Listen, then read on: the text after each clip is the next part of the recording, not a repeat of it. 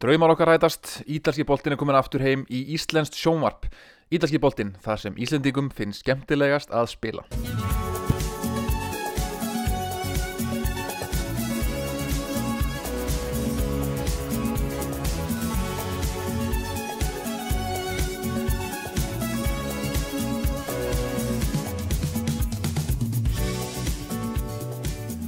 Já, eftir um margra mánuða byrð þá hefur að gera sem að Íslendinga hefur lengi dreymt um. Ídalski boltin er komin aftur í Íslands sjónvarp. Því stöðtursport er búið að kaupa réttin að serju að fallegustu deild í heimi þar sem Íslendingum finnst skemmtilegast að spila. Í nokkra mánuði höfum við Íslendingar og Norður Kóriði búar verið án Ídalska boltans í sjónvarpi og meðan við fögnum því að hann skildi vera komið lóksins til Íslands þá skulum við senda hugheilar kveðjur til Norður Kóriði búa sem að eiga um sátt að binda um þessar mundir. Ég herði í vinnum mínum í Salernitana fanclub Pyongyang og það var þungt í þeim hljóðið þeir hafa glimt við ímis vandamál, hungusneið, pyntingar en að vera án ítalska boltans það er að ganga af þeim dauðum þarna í norður Kóriðu og því lík fyrsta helgi sem Íslandingar fengu fyrir framann sjónvarpið. Einhverji heldur kannski að titilbáratunum væri búinn en AC Milan sátti þess að svo er ekki með sterkum sigri í Derby della Madonnina sem var um helgina. Juventus lítur aftur út eins og Juventus og bóttbarátan hardnar og hardnar Það eru nokkra fréttir frá Ítalíu sem ég ætla að byrja á og við byrja ekki að fara yfir áhörfandafjöldan því að lefður áhörfandafjöldi er komin upp í 50% af hámarki vallana og frá fyrsta mass er stemt að því að 75% megi mæta. Það er óljóst hvernig, hvernig verður aftur komið upp í 100% en menni gerir sér vonir um að það verði einhvern tíman í, í mass eða apríl. Önnu frétt af, af Íslendingi í, á Ítalíu, Óttar Magnús Karlsson er sangat mínum heimildum á leiðinni til Bandaríkjana. Sportingdirektorinn hjá Venecia saði viðtali í síðustu viku að liðið var að skoða tilbóð frá bandaríkjunum eftir að landsamningi hans hjá Siena var sagt upp eins og greindi frá í síðasta þætti og ég fór þar yfir ástæðunar og allt þetta rugl sem er í gangi hjá Siena og sagt að mínum heimildum er lang líklegast að hann endi í bandaríkjunum.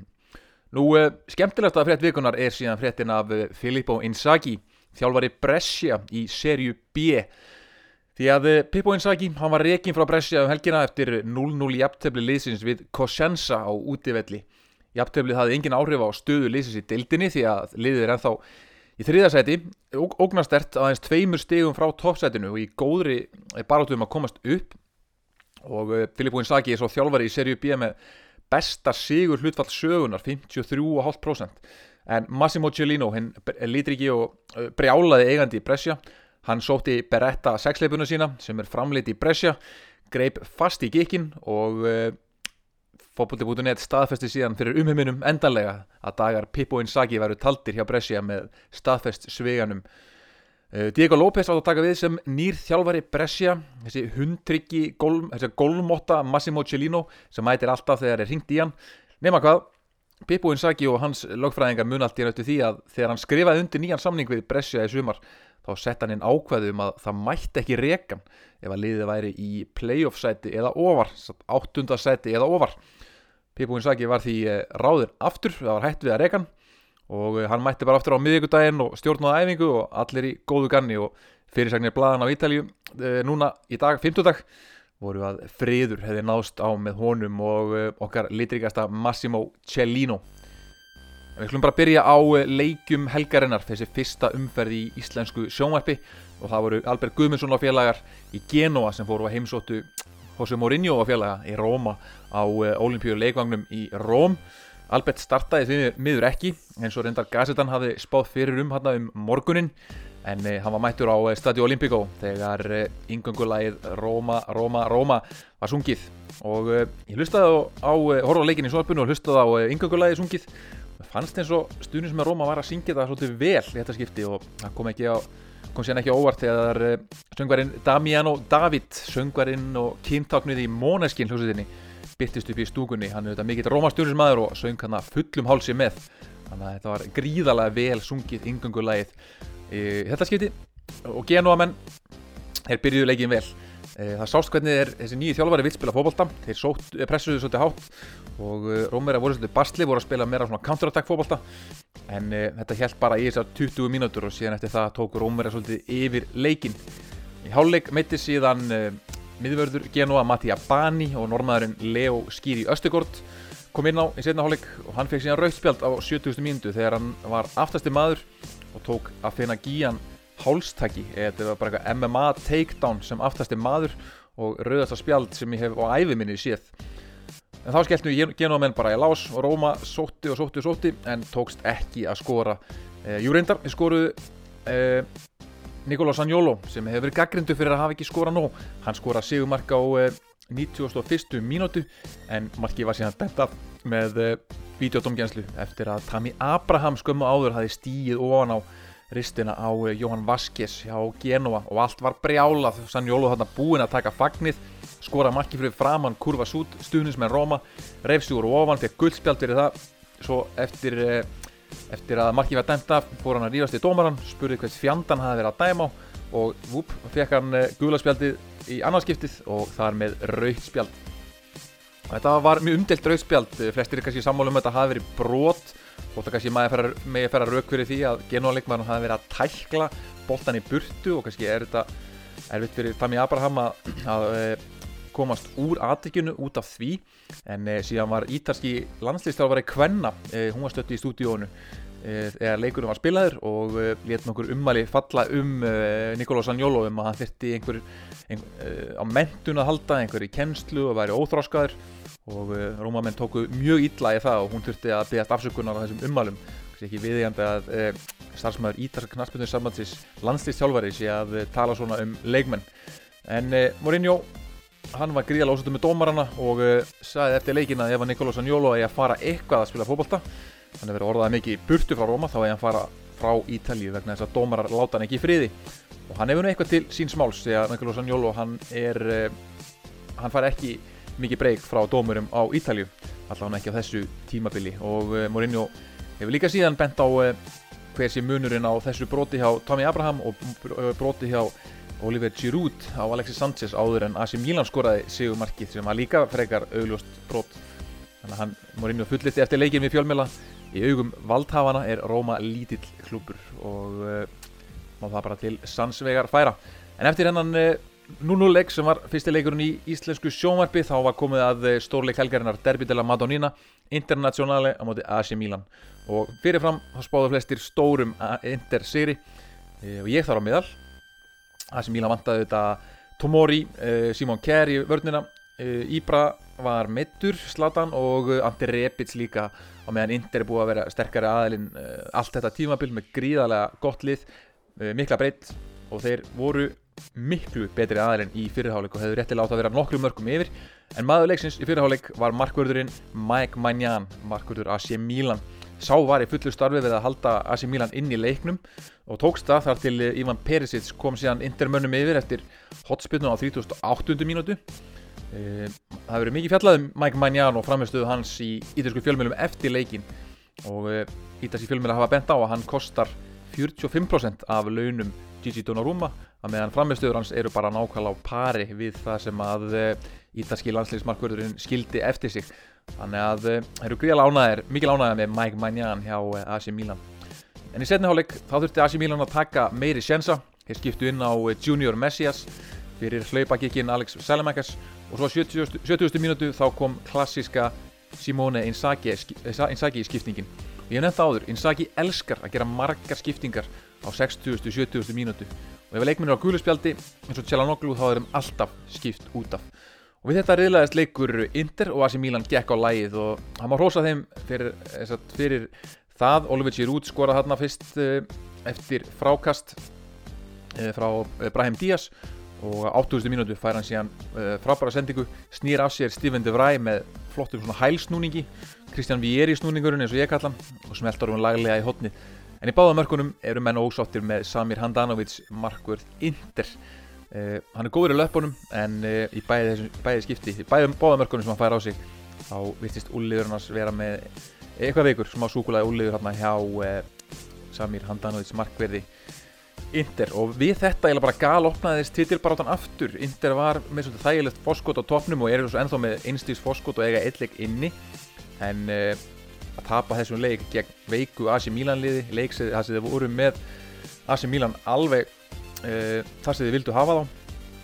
Þetta eru menn, menn, menn ekki sáttir með hjá eh, Inter og eh, það var vist talsveitir yfirildi þarna eftir leik á meðal leikmanna og, og margir leikmenn sem voru ekki, sínd ekki nægilega góða framistuðu í þessu Interliði.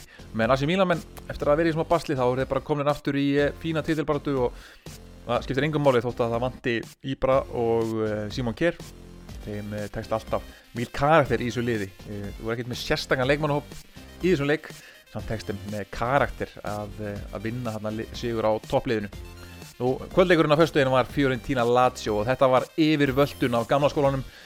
Dusan Vlahovic er farinn og þar með öll trú í liðinu. Uh, í staðinn kom inn braslíumadurinn Cabral í framherji sem á að uh, fylla skerð Dusan Vlahovic. Fiorentina kipti frá Basel. En það var Lazio sem að lék við hvert sinn fingur og Sergei Milinkovic Savic sett á svið síningu á leikursfjólunum á Stadio Artemio Franki í Flórens Sergei Milinkovic Savic sem er einmitt mjög uh, óvinnsæll á meðal stuðnismanna Fiorentina vegna þess að hann átti uppálega að ganga til liðs við Fiorentina. Hann var mættur til Flórens búið að taka mynd af honum með eh, Fiorentina trefil og Fiorentina treyju þegar hann, hann snýrist hugur og hann fór til Rómar og skrifaði undir hjá Lazio í staðinn. Og hann var með síningu í þessu leik uh, var maður leiksins og meðan uh, Fiorentina menn voru langt frá sinu besta og frekar augljóst að þeir eru ekki að fara að halda áfram með baráturinn sinni um Evrópusæti allavega ekki í deildinni. Þessi Cabral uh, framherri fekk nokkuð færi en hann tók reynilega ekki markaskona með sér hérna frá Basel, hann var svo litið þungur svona ekki alveg jafn sprækur og maður held hann yrði. E, flottu sigur hann á Lazio 3-0 og Ciro Immobile sína líka þarna hann sé í, í góðu stuði. Og sunnudaginn, hátíðisleikurinn Atalanta 1, Cagliari 2 og bóttbaráttan eru hörð og það var kannski flott hjá e, Genoa-mönnum sem voru þetta, í harðri fallbaráttu að ná stígi gegn Róma.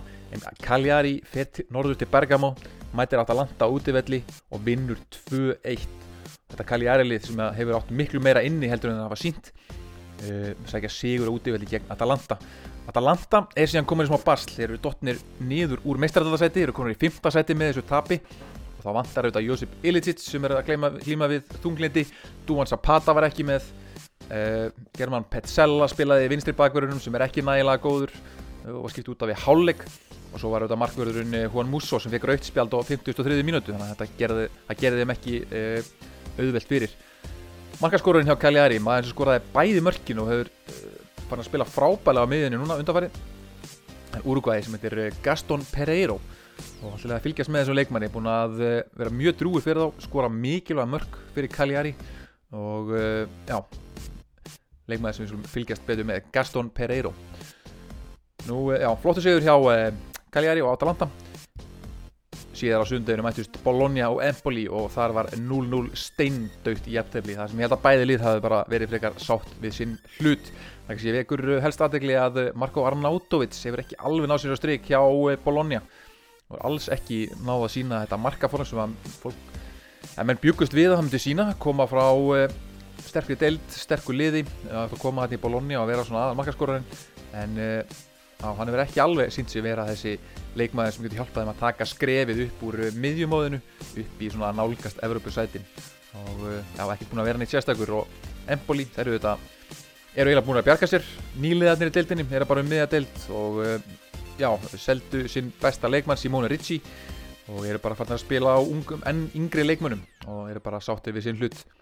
Nú uh, kannski mesta surprise um helgina Sampdoria 4, Sassuolo 0 og þetta eru stór úslit fyrir Sampdoria í krísu og slæm úslit fyrir Genoa og hinn liðin í bóttbaráttunni uh, Marco Giampaolo er tekin við sem þjálfari Sampdoria og hann ágreinlega bara að þjálfa Sampdoria og ekkert annað það breytir líka miklu fyrir Sampdoria þeir eru komin með Stefano Sensi frá Inter á láni.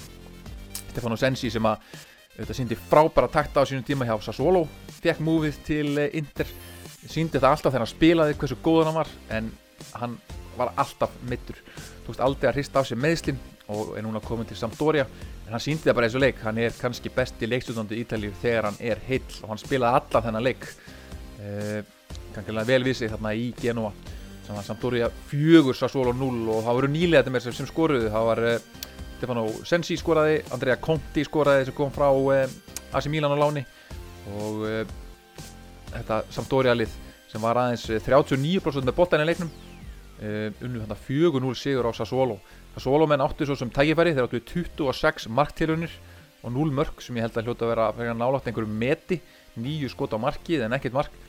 Um, og þetta var svona allt öðruvísi heldur en í síðustu umferð þar sem Sassolo var ekkert með boltan en vann samt 1-0 þetta er svona í öklaða eira hjá Sassolo annarkvort spilað er possession bolta eða þeir eru ekkert með boltan uh, og bara frekar svona já, ósanfærandi hjá Sassolo uh, þessir síðustu leikir hjá þeim og þeir líka eru svolítið að stimpla sig algjörlega út úr Europabaratunni er ekki að sína neitt stöðuleika í, uh, í sínum leik Svo að komið að Venezia. Venezia fekk Napoli heimsókn og leikurinn endaði.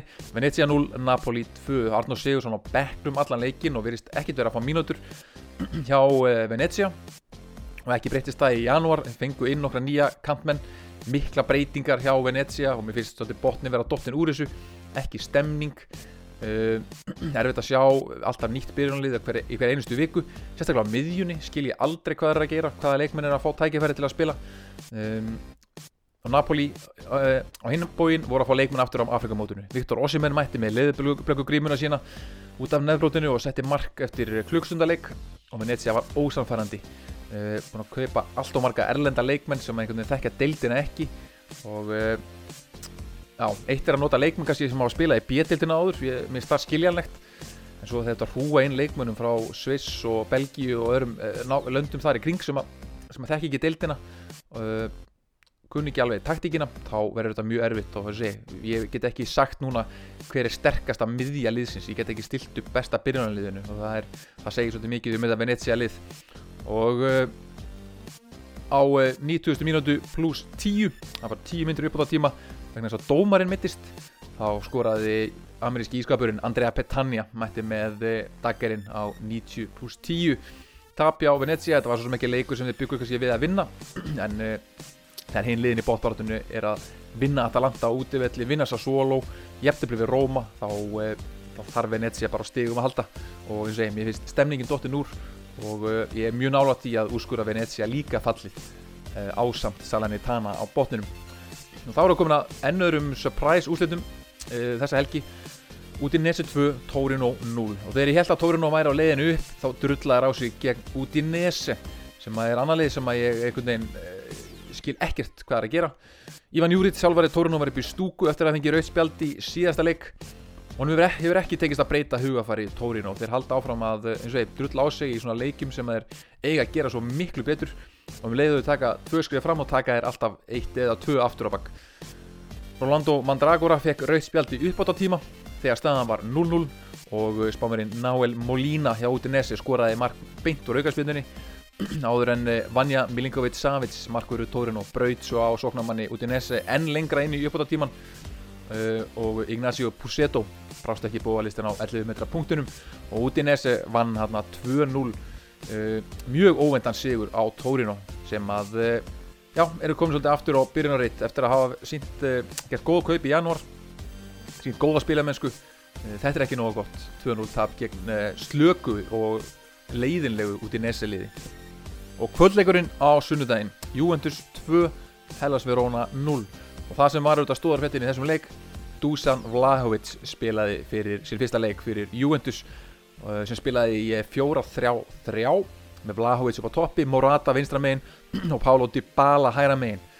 Þessi leiku tróðast þannig að Hellas Verona var meira með boltan en Juventus voru mjög beinskittir og gríðalega vel spilaðu leikur hjá Vlahovic. Hann er með svo klókar reyfingar ekki bara skoraðan mark með vippu þarna yfir markmannin þetta bjóðan til svæðið í eh, báðum mörgum liðsins stró soknamenn nei, varnamenn að sér í einskilsmannslandið skildi þá síðan eftir þar eftir flotta stungusendingar innfyrir hjá, hjá Alvaro Morata og Paulo Dybala.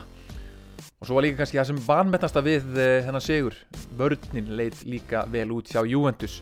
Það er að segja að Hellas Verónas spilaði var frekar mikið með boltan tókst ekki að skapa sér mörg færi og Kjellini stóð á naftast og stangaði boltan í burtu allan leikin og þetta er þetta jafn mikilvægt og alltaf hreinu og ef þið ná að bæta mörgum við sinn leik eins og þið verðast að gera með Dusan Vlahovic. Og þetta verður varnaleikurinn og geta þær alveg gert áhlaup á eh, sætin fyrir ofan. Og einhver hafa jáfnvel talað um að þið getur farið í titilbártuna það er þetta möguleiki en eh, fyrst þarf þetta eh, að búa til stóra krísu hjá Inder þegar þeir sem þurfa að tapa þessum titli þetta var draumabyrjun hjá Juventus eftir hann eh, klukka og eh, ekki bara var það Dusan Vlahovic sem skoraði þessum fyrsta leik heldur skoraði líka Dennis Zakaria sem að hinn miðjumæðurinn sem að eh, kom líka hjá þeim í, í januar og spilaði sin fyrsta leik og skoraði með flottu slúti hann var smá tindur á köplum sérstaklega svona varnalega en hann er greinlega með gæði og þetta slút hans var bara mjög flott, mjög sannfærandi slút þannig að Júventusmenn verðast að komin aftur einhvern veginn jákvæðni í liðið uh, þetta var svolítið svona gamla góða Allegri Juventus lið bara solid, vörtin solid og með gæði fram á við og þessar, eins og þessar reyfingar og samspili hjá Dybala og, og Vlahovic. Þetta er eitthvað sem ég hlaka mjög til að sjá núna á eh, komandi vikum. Þá erum við komin að mánudagsleiknum og ég veit að fyrir víst hef það úr innstu búðum stöðtvö sport að það var slegist um að fá að lýsa Salernitana Spezia uh, mánudagskvöldleikurinn. Uh, þessi leikur var svo sannlega rússipannaferð tvö lið sem eru í mikli fattbaratu Salernitana gerðu mikla breytingar í klukkanum þeir keftu sjö leikmenn uh, nefnir ekki keftu 14 nýja leikmenn. Sjö þeirra byrjuðu, þrýr komu inn á. Á meðan Spezia sem er í butandi fattbaratu líka, þeir eru í transferbanni þannig að þeir gáttu ekki gert neyn uh, félagskipti, neina breytingar á uh, sínuliði í janúar glugganum. Frammerinn uh, Federico Bonazzoli besti leikmaður Salernitana var endar upp í stúku af einhverjum aga ástæðum aga vandamál þar sem er síðan búið að leysa eftir á. Uh, en stóri, stóra nafni í þessum leik maður sem ég nefndi í síðasta þætti Simone Verdi er genginn til liðs við Salernitana. Aukaspilnu sérfræðingurinn eins og ég nefndi sem að skoraði einu sinni úr tveimur aukaspilnum í einum og sama leiknum önnum með hægri og önnum með vinstri. Og hvað gerir Simone Verdi í fyrsta leiksinum fyrir Salernitana? Jú áður en 16 mínútur voru liðnar að leiknum gegn Spezia hann körlaði inn tveimur aukaspilnum beint í vingilin svo fyrsta eftir þrjár mínútur þegar hann kom liðinu yfir eh, strax við upphafi leiks. Og meðan uh, Spezia jafnaði síðan úr víti og það var albanski framherjin uh, Ray Manage eða Ricky Manage eins og ég kýs að kalla hann sem að jafnaði þar. Og á 16. mínútu fær Salernitana aftur aukaspinnu nú á aðeins lengra færi og aftur snýr Simone Verdi boltan upp í vingilin sama, sömu skeiti og hann hitti þarna korteri áður og aftur skömmu síðar jafnar Spezia úr annari vítaspinnu þetta sinn var það Daniele Verde sem að jafnaði. Ekki sama vítaskiptan í fyrsta og öðru vítunu hjá Spezia, leikurinn var skemmtilegur. Bæði liðin voru gjössanlega búin á því undir lokin en það vissuðu að þau mættu helst ekki tapa þessu leik. En ég held að Salernitana hafi meira þurft á þessum sigri að halda. Þeir hefur þurft svona eitthvað búst sigur í fyrsta leik með alla þessar nýju leikmenn þeir eru þetta með fullt af svona áhugaveru leikmennum Federico Fazio að mættur í vörnina. Dragusinn landsmaður frá Juventus á að vera góðu varnamæður en þessi leikmenn þeir báruð þess keim að vera riðgæðir þetta eru leikmenn sem eru með gæði hafa sínt að þeir séu með gæði en þeir eru gríðalega riðgæðir hafa ekki spilað marga mínútur undanfarin ár, jafnvel 2-3 ár. Þannig að maður sá það hjá Salernitana. Það var smá rið en þeir hefðu þurft svona þetta hennan, svona búst í, í fyrsta leik eftir transferklukkan og eru ennþá á botnirum og eru ennþá, ég er ennþá stend ennþá við úrskurðinum að þeir séu þegar fallnir. Þetta voru leikinnir í deildinni, svo í byggarnum hafa núna verið spilaðir tvei leikir. Á þriðudaginn mættust Inter og Roma. Og sem Mourinho mætti á sinn gamla heimavöld Stadio Olimpico, nei fyrir ekki í San Siro í Milanoborg, mætti Inter og en það var Inter sem vann 2-0 með mörgum frá Edin Dzeko og Alexis Sanchez Fýll leikur svo sem hjá Róma, Dzeko kemur Inter yfir strax á þriði mínútu. Og síðan er Róma með góður í klukkutíma. Áður Alexis Sanchez kom Inter í 2-0 með langskoti beint upp í skeitin Uh, Mourinho let samt leikmenn sína heyra það í klifanum eftir leik sangant heimildum ítalskra fjölmila og eins og segir í fréttfólk.net þá sagði hann eftirfarandi við leikmennina þið skituð í ykkur í tíu mínútur. Ég vil fá útskýringu á því. Svo vil ég vita af hverju þið skituð á okkur gegn Mílan í tíu mínútur. Þið allir, engar undatækningar Inter er frábært lið en í staðis að finna kvartningu þá skituð á okkur það versta sem kallmann getur skort er pungur og karakter eru þið hrættir við stóra leiki farið að spila í sételdinni án pressu Það eru engin meistarar eða stórir vellir. Þið eru ekki með pung og það er það versta sem getur gest fyrir mann.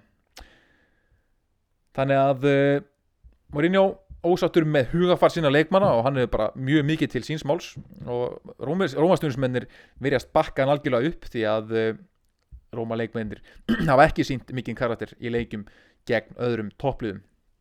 Uh, þannig að Róma dótt út úr byggarnum, Inter komið í undanúslið þarna á þriðudaginn. Svo við líka farið fram leikur AC Milan og Lazio þar sem AC Milan valtaði yfir Lazio uh, Rafael Leao var kannski maður leiksins portugalski framherri AC Milan og ítalskir fjölmila fóru mjög fögurum orðum um hann og hann er kannski búin að vera eitt besti leikmaður Milan allan svona síðustu vikur á samt Sandro Tonali. Giroud var líka frábær í þessu leik og skoraði. Á meðan Ciro Immobile, framherri Lazio og ítalska landsinsins, hann mittist og það er óvist hversu alvarlegt þau eru, þau eru þau meðsl, en það lítur út fyrir að hann þáttaka hans í umspilinu fyrir HM í Katar í mass að svo þáttaka sé í hættu. Þannig að spurning hver að verður sem að spilar fyrir ítalska landsliðið í leikjunum hérna gegn Norður Makedóniu og síðan líklegast Portugal staðan í aðeldin er þá þannig að Inter er á topnum með 53 stygg eru síðan með einum leik minna spilað heldur en hinliðin Napoli í öru seti stíu eftir 52 AC Milan líka í, með 52 stygg í þriða seti síðan er það Juventus komið upp í meistarveldasætið í fjóruða sætiru með 45 stygg Atalanta með 43 stygg í 5. sætinu en eiga leik inni á Juventus Lazio í 7. sæti síðasta Europasætinu með 39 stygg AS Roma í 7. sæti utan Evrópu þetta eru þau lið sem eru að berast um Europasætin og munu gera það meðan liðinu hérna, hérna eftir eru mínumati ekki nóga stert til að taka þátt í þeirri barátu Fiorentina í 8. með 36 stygg Verona í 9. Torino í 10.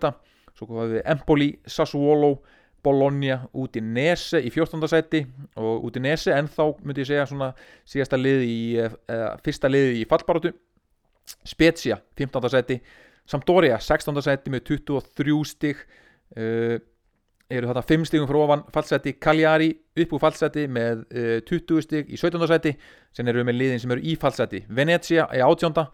með 18 stig Genoa 19. seti með 14 stig og Salernitana á botninum með 11 stig.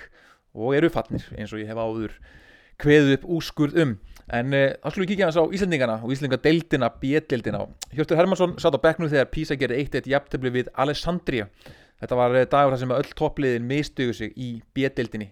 Uh, Þórir Jóhann Helgason hann spilaði 20 mínútur þegar Letsi gerði 1-1 jafntefni við Como á útífelli, já Como, það sem Como vatnið er Eh, Letsi er hann á topnum Stíi á undan Pisa og Brescia Pippo Inzaghi og félagar já, hann er ennþá hjá Brescia Pippo Inzaghi e, og Brescia í þriðja sæti.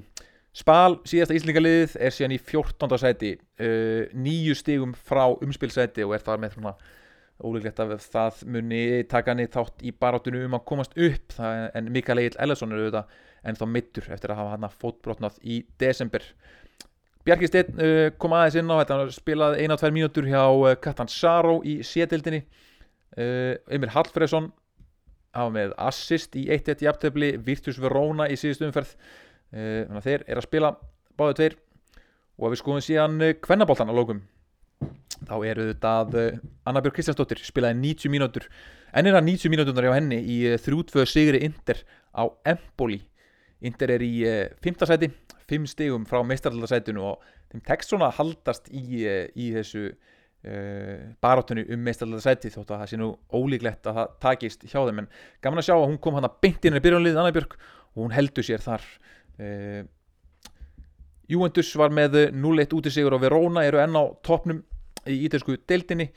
Uh, AC Milan vann sínleik, Gunni Adondóttir er enn að glíma við meðsli og spilaði því ekki Róma og Sassuolo, AC Milan öll með sigra, þannig að staðan er þannig að Juventus efst uh, 6 stigum á undan Róma sem er í öðru sætinu með jafnmör stig og Sassuolo í þriða sæti. Uh, og AC Milan í fjórða sæti og Inter í því fymta og síðan er langt bíl niður í sjötta sæti þar sem er Sampdoria. Og á botnurum er Hellas Verona með aðeins eitt stig og engar líkur á að þær þeim takist að að komast upp úr bóttbarátunni þá skulum við fara bara yfir eh, leiki helgarinnar. Það er alveg umferð um helgina. Hefst á laugadaginn og það er Lazio Bologna sem er fyrsti leikurinn á laugadaginn Sinisa Mihailovic starfið eh, Lazio Bologna. Svo er það stórleikur helgarinnar toppslagur, hreinræktaðu toppslagur Napoli Inter á laugadaginn fyrsta og annarsætið stiga millið þeirra þótt að Inter eigi síðan leik inni og uh, síðastu leikurinn á lögadaginn þegar maður er búin að taka Napoli í Inter og þarf aðeins að ná sér niður aftur þá er Torino Venezia. Tvö lið í bastli Torino bara undir að tífa og meðan Venezia bara í byllandi fallbaróttu Sunnudaginn fáum við uh, AC Milan Sampdoria og uh, já, AC Milan er að fá Sampdoria á versta mögulega tíma. Og Marco Giampaolo, þjálfari Sampdoria hann mun vantilega að mæta í hefndarhug á San Siro, hann auðvitað þjálfaði AC Milan í, uh, hvað hitti fyrra? Uh, var reygin eftir tíu umferðir. Og hann mun mæta sig með Sampdoria liðið sitt alveg trítilót á San, San Siro. Og þar mæti kannski líka nýjasti leikmaður Sampdoria þegar þeir voru að sæna á frítransfer The Atomic Ant eins og hann kallaður Sebastian Giovinco. Fyrir um leikmaður Empoli og Juventus sem að fóða síðan í MLS-deildina 2015, búin að spila þar í mörg ár uh, var einn af svona stóru profilum MLS-deildarinnar fóð síðan til uh, Arabíuska en var að spila þar en var hún að sæna til uh, Sampdoria. Þannig að það eru skemmtilega sæn sem að Sampdoria menn hafa gert núna í, í klukkanum þeir svona sænuðan eftir að Manolo Gabbiadini mittist, þeir mantaði eitthvað einhvern framherja til að bæta upp fyrir það. Þannig að AC Milan Sampdoria, fyrstileikurinn á sunnudaginn. Svo er það Empoli Cagliari. Leikmaður sem hefur jæftöfli written all over it Genoa Salernitana og ég veit að fyrir víst aftur að uh, það er slegist um þennan leik hver fara að lýsa þessum leik á stöð 2 sport, það vilja allir lýsa Salernitana leikum og við tala nú ekki um þegar uh, Albert Guðmundsson er auðvitað mættur í Genoa, hann vondi fær hann að spila hérna í þessum fyrsta heimaleg Genoa uh, í uh, leikur í Genua uh, fikk þið líka með vellinum? Það hefur verið mikið, uh, það er stóru dúbna fjölskylda sem býr þarna á leikvagnum á vellinum sjálfum sem að flýgur á milli vallarhelminga. Þegar boltin er öðrum megin þá er dúbna hópurinn hinum megin og svo færist boltin yfir og þá fljúa fugglarnir yfir. Mjög sérstakt og skritið þeim takist ekki að fjalla þessa þessa dúur af vellinum en uh, fylgist með þessum dúbnakofanum fyrsti heimaleikur Albert Skuminssonar hjá Genoa á uh, stadio Luigi Ferraris á sunnudaginn svo er það uh, Emil Hallfredsson slagurinn í derbi di Emil Hallfredsson Verona Udinese. Svo er það Sassuolo AS Roma. Mourinho í krísu mætir Sassuolo. Og svo er það annar stórleikur Atalanta Juventus. Liðið sem vinnur þennan leik mun vera fyrir ofan í, í töflunni eftir leikin og það er vonandi fyrir Atalanta allana að þeir fái aftur Dúvan Zapata því að þá sárlega vantar eitthvað fram á við þessa dagana svo mándaginn Spezia mætir Fiorentina. Vincenzo Italiano mætir aftur til La Spezia sínum uh, gömlu lærisveinum með Fiorentina liðið sitt. Og uh, spennandi leikur þar líka. Og í lókin þá skal ég bara auðvitað uh, koma hérna með stærstu fréttirnar frá Ítalíu því að Sanremo hátíðin, Slatan hátíðin var haldið með pompa prakti í síðustu viku og sem bara endaði á sigur læginu þar, lægi sem að, sem að keppir fyrir uh, hönd Ítalíu á Eurovision á heimavelli núna í mæ. En það eru uh, góðkunningar okkar, það er rapparinn Mahmoud og rapparinn Blanco með lægið Brívidi eða Gæsahúð. Og ég hveði ykkur að sinni með gæsahúð. Við heimst aftur í næstu viku. Verið sæl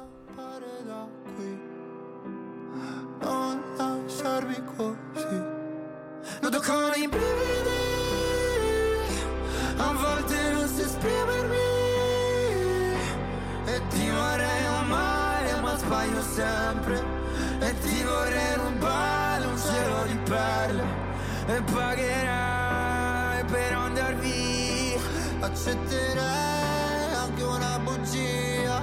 E ti vorrei amare ma sbaglio sempre. E mi vengono i